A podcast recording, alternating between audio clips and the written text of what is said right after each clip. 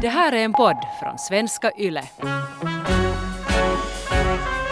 Med facit på hand tänker jag att hur vågar jag vänta så länge? Att jag borde ha börjat mycket tidigare och nu när jag ser hur jättebra det går så är jag sådär varför har jag liksom dejtat i onödan hur länge som helst och sört barnlöshet när jag skulle kunna göra det här för jättelänge sedan. Men det är klart att det är en process man måste gå igenom och det måste kännas rätt.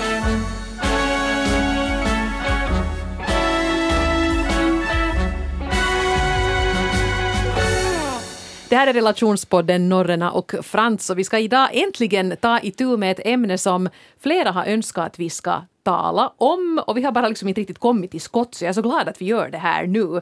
Vi ska prata om det här med eh, att få barn och kanske om det är när det är inte är så där bara att få barn. Man kanske till exempel inte har hittat den där lämpliga partnern att sätta igång det här projektet med men ändå vill ha en familj. Hur gör man då? Det är Mm. många som har föreslagit att vi skulle prata om det här i något skede. Det är konstigt därför många kan ju uppleva att det här med att vara då en ensam förälder, att det är något som är lite skämmigt, att ingen har velat ha mig och, och vad heter det här, jag nu är ensam. Att man, man känner sig lite misslyckad och det här vågar jag säga därför för att jag är ju själv ensam förälder. Jag, har, jag är ju mamma till två barn som är i lågstadieåldern. Eh, De har ju en pappa som är närvarande på ett visst sätt men det största lasset så kör jag ändå själv så därför för tänker jag då liksom att jag kanske är nu då en sån här ensam förälder fast det kanske låter lite sådär ja, att man har lite blivit utanför det här lotteriet som kallas kärnfamiljen.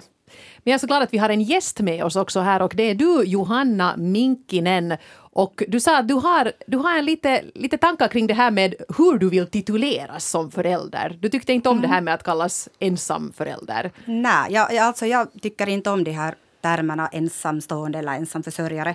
Och speciellt hatar jag den här finskan när man talar om man är, som jag har, har fått barn helt på egen hand.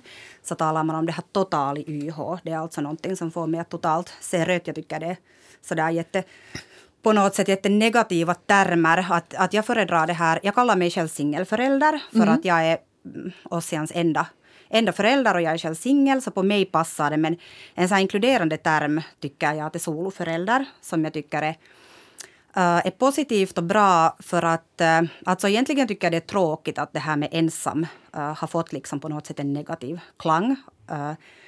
Men så länge det har det så tycker jag att det är viktigt att vi eller för mig känns det viktigt att vi inte använder termer som när det gäller familjeformer, att vi inte använder termer som kan uppfattas negativa. Just utan det. att vi använder neutrala eller positiva termer. Så jag tycker om singelförälder för mig och så gillar jag soloförälder. Och det som jag tycker jättemycket om är att man talar om en förälderfamilj och två förälderfamilj. Och sen kan det ju säkert finnas också tre föräldrar och, och fyrförälderfamiljer. Men kanske de vanligaste. Så, och det tycker jag är så neutrala bra begrepp för att då, så, då sätter det inte... Jag tycker inte om att man, man på något sätt sätter kärnfamiljen i fokus som en norm som alla ska eftersträva. Och allt annat är på något sätt lite kanske sämre varianter, för så är det ju inte. Precis, och det är ju inte så att det skulle vara så att majoriteten lever i kärnfamiljer Nej. heller, utan de här olika Nej, varianterna precis. är ju väldigt eh, förekommande idag. Men det är bra att du säger, jag menar det där med så liksom ensam förälder, det, det är en term som jag skulle kunna slänga ur mig utan att sätta någon värdering i det alls. Men jag menar, jag, jag, jag tar åt mig. Soloförälder, singelförälder. Ja, och jag kallar ju mig just för ensamförälder. Ja, Jag har aldrig ens tänkt på det där, att det skulle vara liksom något fel i det. Inte, men men jag Alltså förstår många- hur du menar. Ja, alltså många gör ju det och, och det är ju, alltså om det känns bra för en själv tycker jag absolut att man ska använda den termen. Men jag har till exempel bett mina vänner eh, om de har sagt, de kan ju inte heller veta, så har jag bett att jag, jag skulle inte vilja att de använder den termen och de, de gör inte heller det. Och det jätteskönt, Mm. tycker jag. Men hörru Johanna, det här med att vara nu då soloförälder, tänka, eller, eller singelförälder. Du är alltså då mamma till lilla Ossian som också är med här i, i vår studio idag. sover just Och, eh, Han har, han har tuppat av. Ja, det var ganska mycket liv i luckan här före vi började banda faktiskt. Men, men han är med idag. Kan inte du berätta lite, hur, hur, hur tänkte du kring det här med att få barn som singel i Finland idag, före han kom? Nå, jag hade ju liksom längtat efter barn i över tio år.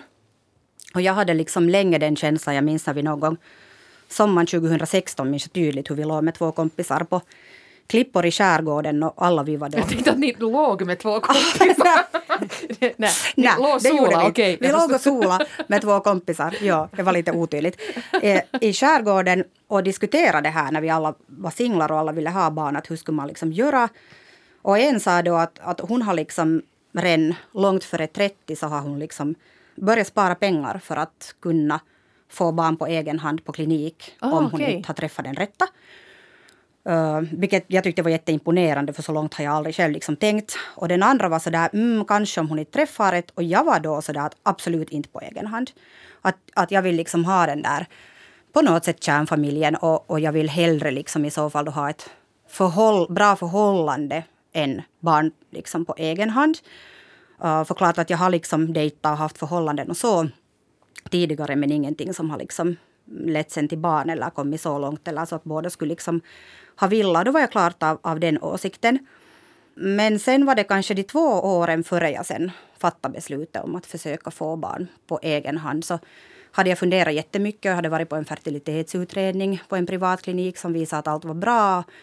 Och jag funderar fram och tillbaka och, och jag funderar ganska lite faktiskt på att om barnet kan bli lyckligt utan en pappa. Jag funderar faktiskt mest på om barnet kan bli lyckligt utan en sommarstuga för att jag inte har en sommarstuga att erbjuda. och jag vet inte vad det säger om mina tidigare relationer och prioriteringar. Men det var faktiskt en sak som jag på något sätt snöade in på. Att hjälpa att kan det få ett lyckligt liv. Många av mina vänner har det jättebra ekonomiskt och inte har vi det dåligt men vi har inte nu stora mängder liksom extra pengar. Vi klarar oss bra och sådär. Men att fundera jättemycket på det att blir han jätteutanför och de kan resa massor och har fina båtar och bilar och så. Och sen var det en lång process det där att fundera att vad är det jag... Att nu när jag inte kan få båda och jag tänker att jag har en stark barnlängtan. Att längtar jag verkligen nu efter också bara det där barnet? Eller längtar jag liksom efter ett förhållande för att jag tror att att du kan bli ganska i strile om du egentligen har längtat efter ett förhållande och sen bestämmer du dig för att få barn på egen hand därför att du får ju no, ja, kanske i ett år eller två får du bekräftelse av ditt barn men sen är det ju liksom slut på det, sen börjar det ju utmana dig på alla sätt. Så jag funderar jättemycket på det och sen var det plötsligt liksom började kanske lite mogna hösten 2019. Den här tanken om att kanske ändå. Och sen var det någon gång i december, kanske mitten på december, lite före jul 2019, så var det plötsligt en dag jag bara vaknade och visste att det är barn jag vill ha. Absolut. Och sen då hade det blivit möjligt uh, den hösten också för, också för liksom kvinnopar och singlar då, att försöka då få barn också på offentliga sidan. Men det var ju långa köer och sånt och långa processer. Och, så sa, nämnde jag för en kollega faktiskt att nu ska jag sätta mig i kö. Och så var hon så där, nej men vet du vad, att, att har du möjlighet att gå privat? Och jag var sådär att nå ja, nu har jag. Och Så var hon sådär, nå men slopa den där offentliga sidan och gå privat. Och så var jag så ah okej, nå ja, vi gör så. Och så ringde jag en klinik och beställde tid. Och det där, vi skulle åka på en skidresa över mellandagarna och nyår. Eh, så jag beställde tid 7 januari 2020 hade jag första tiden. Och sen 17 februari gjorde de första inseminationen och 11 september var Ossian på intensiven. Född som liten prematur nio veckor för tidigt. Precis. Men, men det gick ganska fort i alla fall, det, gick här att bli gravid. fort. Ja. Mm. Att jag, jag var ändå 38 men jag blev gravid direkt så jag hade ju jättetur. ja, Ja, Att precis. Mm. med facit på hand tänker jag att hur vågar jag vänta så länge? Att jag borde ha börjat mycket tidigare och nu när jag ser hur jättebra det går så är jag sådär varför har jag liksom dejtat i onödan hur länge som helst och sört barnlöshet när jag Ja. skulle kunna göra det här för jättelänge sedan. Men det är klart att det är en process man måste gå igenom och det måste kännas rätt. Jag, jag tror det är många som undrar och jag blir också nyfiken, men vad kostar det i runda slängar då? Mm, går det, beror, privat? det beror helt... Man kan, det är egentligen omöjligt att säga därför att du kan prata om några tusenlappar eller du kan prata om tiotals tusen. För det beror på hur många försök du måste göra. Behöver du insemination eller IVF, det Ja. vill säga då du gör äggplock och, och befruktar då utanför kroppen och så sätter du in det och det är jättemycket dyrare.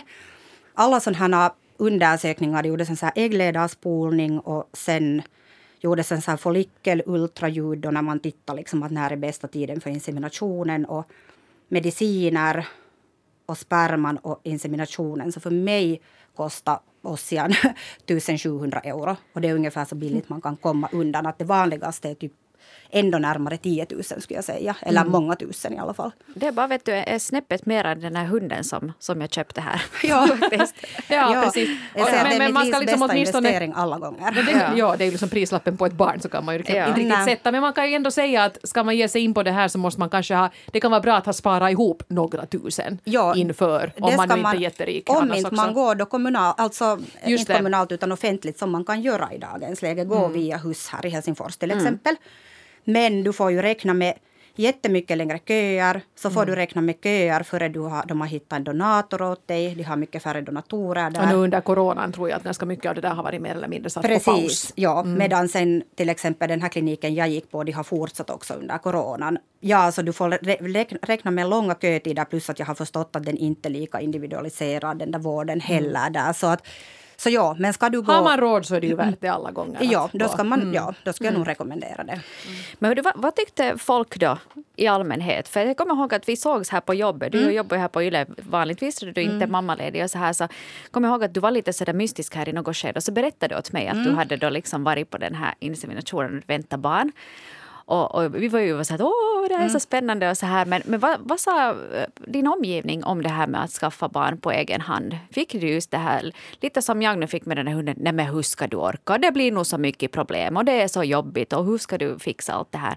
Var folk så där att de liksom blev sådana domedagskråkor? Eller hur tog de det? Nej, alltså inte efter att, att jag hade berättat att jag försökte, på riktigt hade börjat försöka få Ossian. Och jag menar, processen var ju sen jättesnabb från att börja försöka vara gravid. Ingenting negativt efter det. På förhand, eh, jo, vissa kommentarer från, från kanske släkt och vissa vänner sådär att, att, att okej, ja, ja, att, att säkert helt bra idé, men ja, att det är ju jättemodigt och, och liksom och sen måste man ju fundera på det och man måste fundera på det här. Vilket, eh, jag fick inte höra liksom där heller något direkt negativt, men det var ren sårande i sig det här. Att du säger, kan ni tänka er liksom att ett par skulle berätta att hej, vi har tänkt börja försöka få barn. Och sen skulle folk vara sådär, ja, men har ni tänkt på det här? Och har ni tänkt på liksom era långa arbetsdagar? Och har ni tänkt på det ena och det andra? Det säger ingen att det är som att ens egen barnlängtan inte skulle vara lika mycket värd. Och folk menar ju väl, men jag tyckte det var sårande. Men sen efter att jag då berättade först att för ganska många nog ändå, liksom, eller alla närmare, att närmare vänner och, och min mamma och så, att nu har jag bestämt mig liksom och, och för några berättelser när inseminationen var gjord, så sen var alla bara superpositiva och jätteglada. Och sen när jag berättade om graviditeten så jag har sen bara fått jätte, jätte positiv respons och eh, för att alla jag tror att jättemånga visste hur mycket jag har sörjt den här barnlösheten och jag mådde alltså jättedåligt i ungefär två år därföre. Alltså längre också har jag mått dåligt på grund av det, men riktigt sådär akut jättedåligt. Så sen tror jag att folk bara blev så lyckliga. Och nej, jag har fått alltså super, super positiv respons. Att det enda som har stört mig är ju det här när folk säger att du är så modig. Och jag vet att man är lyckligt lottad om det är så att det är det värsta man har fått höra, men det är jäkligt provocerande. Jag mm. Det? inte höra det. Därför för att jag tycker att om du säger till någon att någon är jättemodig, så det används ju ofta om någonting som du inte riktigt själv skulle våga, eller någonting som anses lite skrämmande eller lite jobbigt. Vet ni, som att åka som fredsbevarare till en krigszon eller åka och bestiga ett berg. Någonting som kan potentiellt vara farligt. Så det blir jätteprovocerande. Och sen läste jag en, eh, faktiskt på Insta följer jag en annan singelförälder. Och hon skrev om samma. Att den här termen liksom provocerade henne och det var skönt för att, att jag inte var den enda. Och då, då skrev hon liksom så här att hur kan det vara modigt att uppfylla liksom den största drömmen man någonsin har haft. Och det är den filisen jag har, har själv. Jag bara tänker på det här just med att det är modigt. Säkert är det ju det att folk vet hur mycket jobb det är att ha barn. Men du har ju, Eva, du har ju tre barn, två stycken döttrar då som är, som är äldre och sen då och Oskar som är tre år. Och jag har ju själv två barn i lågstadieåldern och, och jag är ju då singelförälder. Jag har dem 95 procent av tiden. Och jag kan förstå det här med att det är modigt. För det måste jag säga, och det tror jag alla ni där ute också som är singelföräldrar, så det är helt sakeligt jobbigt alltså. Det är supertungt och det liksom tar över hela ditt liv och det suger all energi ur dig. Visserligen så ger det ju väldigt mycket också, men jag tycker inte heller att vi ska sticka under stol med det att det faktiskt är ganska jobbigt att ensam ha ansvaret för ett barn eller flera barn. Så att jag kan på det sättet liksom förstå det här att man tänker att det är modigt. Mm. För att det är nog ett ganska enormt berg att bestiga också. Jag menar inte nu liksom vet du, att, att vara en sån här kraxande olyckskorp här till dig Johanna. Det är ju ljuvligt också. Och alla fixar det nog ändå sen på sätt eller annat. Men att jag kan förstå den där termen med att att det är lite modigt. Jo, folk menar ju inte något illa, men jag tyckte det var bara ljuvligt när jag märker liksom hur fördomsfulla barn är. Eller, eller kanske så här preteens i det här fallet. För att vi satt och pratade om det här förra sommaren, hur det provocerade mig liksom när jag var gravid tillsammans med en av mina bästa vänner. Och så var hennes dotter med där. Hon skulle då fylla 11 sen på hösten. Och hon är min guddotter. Då hon satt med där och hade nu lyssnat lite med ett halvt öra. Och sen sa hon helt spontant till mig så här att, att varför säger folk hela tiden åt dig att det är modigt att få barn på egen hand? Att jag tycker att det skulle vara mycket modigare att få barn med någon. Mm. Och det här var liksom hennes spontana reaktion och jag tyckte det var på något sätt så smart för att klart att det är på ett sätt modigt att ge sig in i det ensam. Men nu är det ju också jättemodigt att ge sig in i det tillsammans med någon människa som kan förändras på vägen. Som kan lämna dig, som kan plötsligt visa sig ha några underliga tankar om uppfostran och, och, och, det finns mycket fler lösare delar när du går in för att få barn i en relation än när du är ensam. Du har mycket större kontroll ensam vill jag hävda. Mm, och det är nog sant. Eh, mm, Fast jag, mm. liksom, jag vill absolut. Och sen, sen det här med att det är jättejobbigt. Så jag visst, ibland kan jag liksom få den där känslan av att, att jag översvallas av det där ett ensamt ansvar liksom i minst 18 år. Och, och liksom bara måste sätta mig ner och andas i typ en timme. Men, det där. Mm. men sen å andra sidan, okej okay, nu är Ossian, han fyller snart nio månader. Och han har varit ett jättelätt och jättehärligt barn. Och när han var fyra månader så började han sova hela nätter. Så jag, kan, alltså jag är inte trött, kan jag inte säga. Och jag har ju bara erfarenhet av babytiden som jag förstår att antagligen den lättaste. Men jag skulle inte påstå hittills att det är särskilt tungt eller svårt. Mm. Att det, jag har, det finns tunga och jobbiga perioder och det finns det för alla föräldrar. Men mest skulle jag vilja lyfta fram alltså hur jätteroligt och Mm. Underbart det. Och jag älskar liksom det här att jag älskar vår familj. Och jag älskar att Ossian och jag på något sätt har blivit ett jättesammansvetsat team. Fast det kanske är konstigt att säga med ett snart nio månaders barn. Men vi är liksom på något sätt att det är inte alls så att han bara tar och tar och jag ska ge och ge. Mycket är det så också. Men han ger mig också jättemycket och han ger också mig jättemycket styrka. Mm. Och det, det, är nog något jag skulle vilja lyfta fram också. Och det är bra poäng det där också för att, att många kan ju vara lite så här att oh, det blir så hemskt. Att det är roligt att höra mm. det här just att, att det också ger så otroligt mycket. Och det är så underbart att höra att ni mår så här bra idag. För det måste man nu ändå säga, mod eller inte, men ni hade ju nog en ganska så här tuff start ni mm. två. Ja. För det första så föddes ju Ossian för tidigt och sen fick ni dessutom en pandemi över er som mm. säkert har inneburit att er, er bebistid kanske inte har blivit precis som man nu skulle kunna räkna med på förhand. Nej, Nej det är sant. Alltså, Ossian som sagt föddes nio veckor för tidigt. Att I vecka 30 plus 1 så åkte jag in till kvinnokliniken för att jag tyckte att jag hade känt så lite rörelser hela graviditeten. Jag hade varit inne en gång tidigare redan. Och så var hjärtkurvan och allt jättebra men tack och lov sa de att de konsulterade nu läkare som tack och lov sa att hon vill ultra. Och då visade det sig att eh, han var för liten och att moderkakan inte mera fungerade som den skulle. Så då var jag sen då fem dagar inne på Kvinnis och sen togs han ut med, med planerat kejsarsnitt i vecka 30 plus 6, det vill säga just nio veckor för tidigt föddes han då. Och sen var vi fyra dagar på intensiven på kvinnokliniken här i Helsingfors då och sen sen fyra veckor på Jorvs sjukhus i Esbo.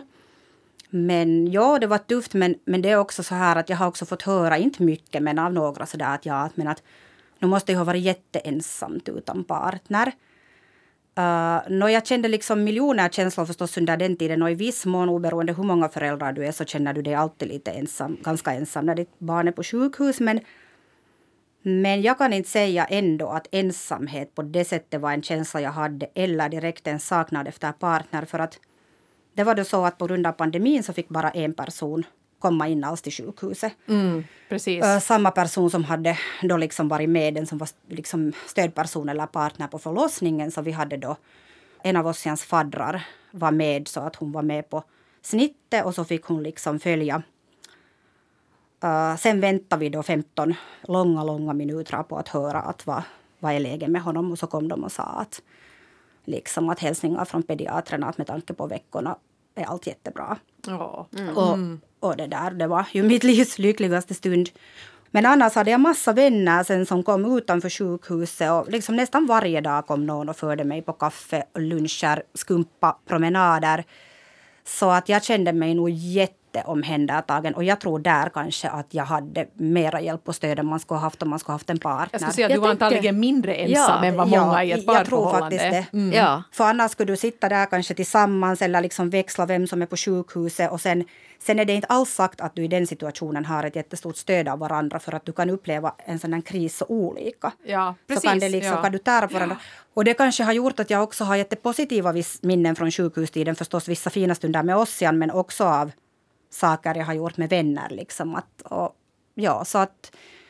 Nej, alltså ja, allt har sina sidor. Man kan inte liksom säga att på något sätt det ena är sämre än det andra eller bättre än det andra. Men Uh, det är ju en del av er faktiskt där ute som har skrivit här under årens lopp in till oss också om det här med att längta efter barn och, och, och kanske speciellt då man märker att kompisarna börjar få barn och man kanske själv längtar efter barn men det blir inga barn så, så kan det här vara en, en ganska jobbig grej som påverkar eller till och med tar över hela ens liv. Som du var också lite inne på det här Johanna också att man, man sörjer den där barnlösheten väldigt, väldigt mycket. Och vi skulle kunna ta Eva kanske något brev här. Ja, till exempel Singelfröken 31. Det här är ett brev som vi fick för en, för en tid sedan. Jag tänkte att det, det skulle vara intressant att höra vad du har för råd att ge här. Singelfröken skriver Jag drömmer om familjeliv och jag önskar att tidspressen inte fanns för åren går ju liksom bara fortare och fortare ju äldre man blir. Och så har vi ju dessutom coronasituationen som har gjort det svårt att träffa nytt folk.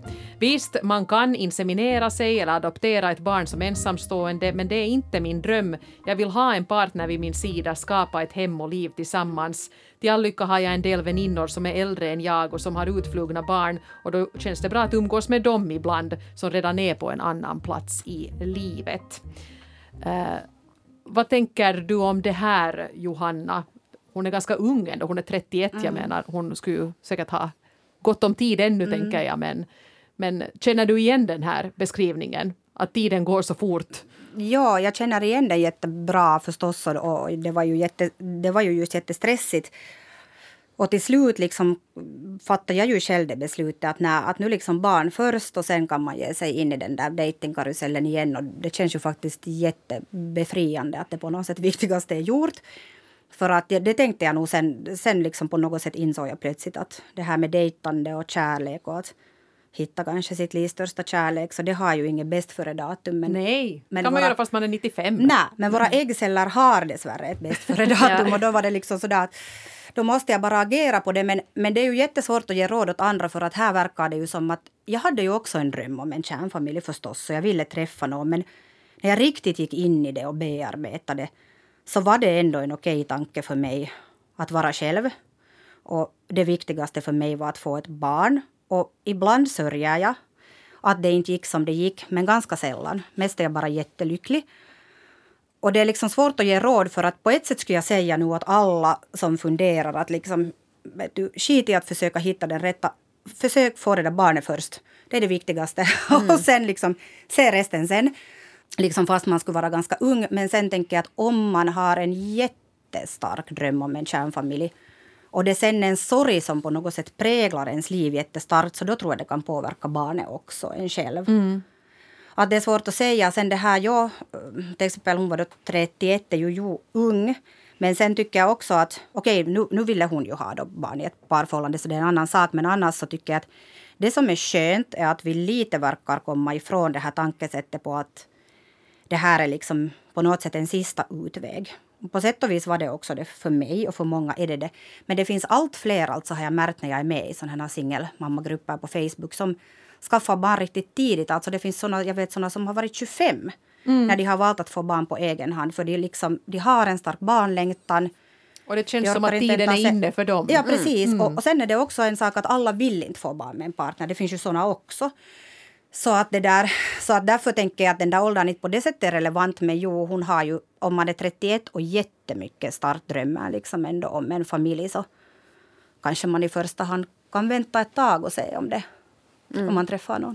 Jag tror också, för det var någon också som sa om det här att man kan börja lätt göra såna missar sen i datingdjungeln. Att mm. om man har den jättestarka barnlängtan och man vill, man ser egentligen alla sina dejts som potentiella pappor till sina framtida barn. Mm. Det var du ju inne lite ja. på där också Johanna, att man kan kanske göra lite missar där också sen att, att inte vet du sist och slutligen så mycket om en annan person om du bara har känt honom eller henne en, en kortare tid. Nej, och sen, sen just den där känslan jag kanske hade att, att om du så där i första hand är ute efter ändå en pappa till, till dina barn så då, då blir det ju plötsligt så att inte riktigt någon heller kanske duger för att du blir så jättestrikt i alla mm. kriterier. För det är på något sätt en onaturlig situation. Och sen det som jag upplevde som stressigt var att, så där, att, ja, att jag skulle kanske själv själv personligen har gärna velat gå liksom på tio random biodejter och efter det på fem random vindejter och sen sett lite att ska vi sällskapa eller inte. Men hela tiden hade jag de här äggen som blev äldre och äldre så jag hade inte tid med det. Mm. Och så, att jag kan inte gå tio gånger på bio med dig för att se om det liksom är bra eller inte. Utan ja. vi måste veta snabbt att ska vi ha barn eller inte. Ja. Ja. Och ja, det blev sen så stressigt att jag bestämde att nej, oh, att nu barn på egen hand och sen någon annan gång i livet dating. Men jag har hört talas om att det ska finnas sådana här datingsidor också där man liksom dejtar andra människor med en stark barnlängtan. Att det här är liksom klart från första stund. Att vi som är på den här datingsajten, vi ser alla att vi gärna skulle ha barn fast inom fem år vet du, då är det liksom ja. avklarat att alla vill samma sak. Så det kan ju också vara ett sätt. Ja, jag vet att det i Danmark åtminstone har funnits länge en sån där, att man liksom har mm. på det sättet letat folk som verkligen... Alltså det kan ju funka, men jag får lite en känsla av att no, dels att det är så lite gammaldags, att man blir par med någon bara för att man ska liksom föröka sig. Mm. Det är lite som man ska vara kossor och tjurar på något sätt. Det här kan bli ett riktigt en välartad kalv ihop med er. Ja. Men jag menar, nu är det ju klart att... Men jag tyckte lite om den där tanken som din kompis hade, som liksom redan hade börjat ha en plan i ett tidigt skede. Ja. Att vi sätter ja. under, undan pengar och kanske man kan tänka sig att nå, att jag kan nu dejta och såsa på här och se vad som händer mm. i fyra år till.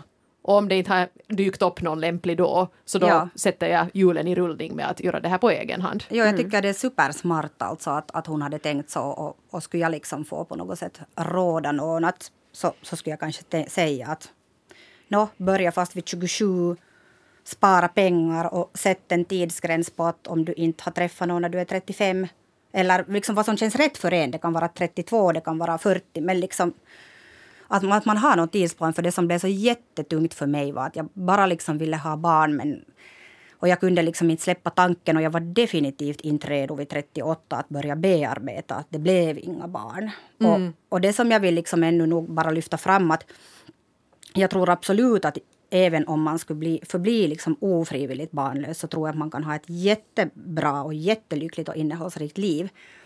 Det är inte det, men den där tiden när man är i det där vakuumet och liksom varken kan bearbeta eller få det man vill ha, den är jätte, jättetung. Och det är det att jag var 38 och i dagens läge liksom får ju folk barn ganska sent. Och, och eftersom jag nu, nu till exempel då blev gravid på första försöket vid 38 så antar jag att jag kanske liksom är fertil ett bra tag till. Så där var ju till exempel det att jag visste liksom inte att ska jag börja bearbeta det vid 41 eller liksom vid 45? För du kan inte veta att när är det helt När stänger slut. kiosken? Nej, när stänger mm. kiosken? Och så tänkte jag att i värsta fall är det liksom ännu en sån här tioårsperiod att leva i det där vakuumet. Mm. Och, och sen tycker jag det är svårt att hitta, träffa någon också om du bär hela tiden på en sån här ångest och sorg. Mm. Ännu avslutningsvis, Johanna Minkinen, nu har vi då Ossian med oss här mm. som är åtta, snart nio månader mm. nu. Och, och han, han då... vinkar med tån där borta. Ja, vinkar han lite, ja. ja. Kanske ja. han börjar vakna lite. Vi måste snabbt göra, avsluta här nu innan han vaknar. Vilken och stjärna. Ja. Uh, hur ser du på framtiden? Tror du att det blir flera barn? Drömmer du om en, en familj i framtiden? Men kanske någon. Hur ser du på kärlek och, en, en och dejting? En tvåföräldersfamilj, mm. eller? Ja. No, jag, jag skulle jättemycket vilja träffa någon, absolut. Jag, jag liksom skulle vilja, vilja nog uppleva liksom den kärleken och närheten och allt det. Men jag har kanske just nu snarare en sån tanke att jag tycker att vår familj är jättebra och jätteperfekt. Och jag har jättesvårt att se att någon skulle komma hit liksom in i vår familj och på något sätt störa oss och vår fina enhet. Alltså min drömsituation skulle vara det att jag skulle dejta någon och bli jätteförälskad och så skulle vi liksom kunna ses massor men ha liksom två olika lägenheter. Och, och det här skulle vara vår familj och så skulle det vara en sån min liksom pojkvän eller pojkvän och älskare och whatnot och en sån trevlig, manlig vän åt oss igen. Men det är också Ja. det där på något det känns på något sätt mer avslappnat när det inte finns den här TikTok, Nå, det biologiska Ja. Mm. klockan. Hur skulle du vara som, som eh, inseminator Ja, i mitt liv? precis. Utan det kanske kan vara någon som har barn sedan tidigare och liksom inte alls har det där stressmomentet. Nej, med. det tänker jag, det, det skulle vara helt jätteskönt för mig också. Eller, eller det, det tänker jag skulle vara ro, roligt att träffa någon som redan har barn. Och faktiskt då när jag också var liksom ofrivilligt barnlös så tänkte jag ofta att jag gärna skulle träffa någon man som har, har barn från tidigare. Och nu skulle det också kännas helt kiva sen att ha en större ny familj i något skede. Just nu är det jättebra så här. Men sen när jag började så är det ju helt jätteskönt just att du kan gå på, bara på ett glas vin och se vad som händer fast bara den kvällen och du behöver inte vara besviken efteråt för du har jag har mitt barn. Det behöver inte liksom...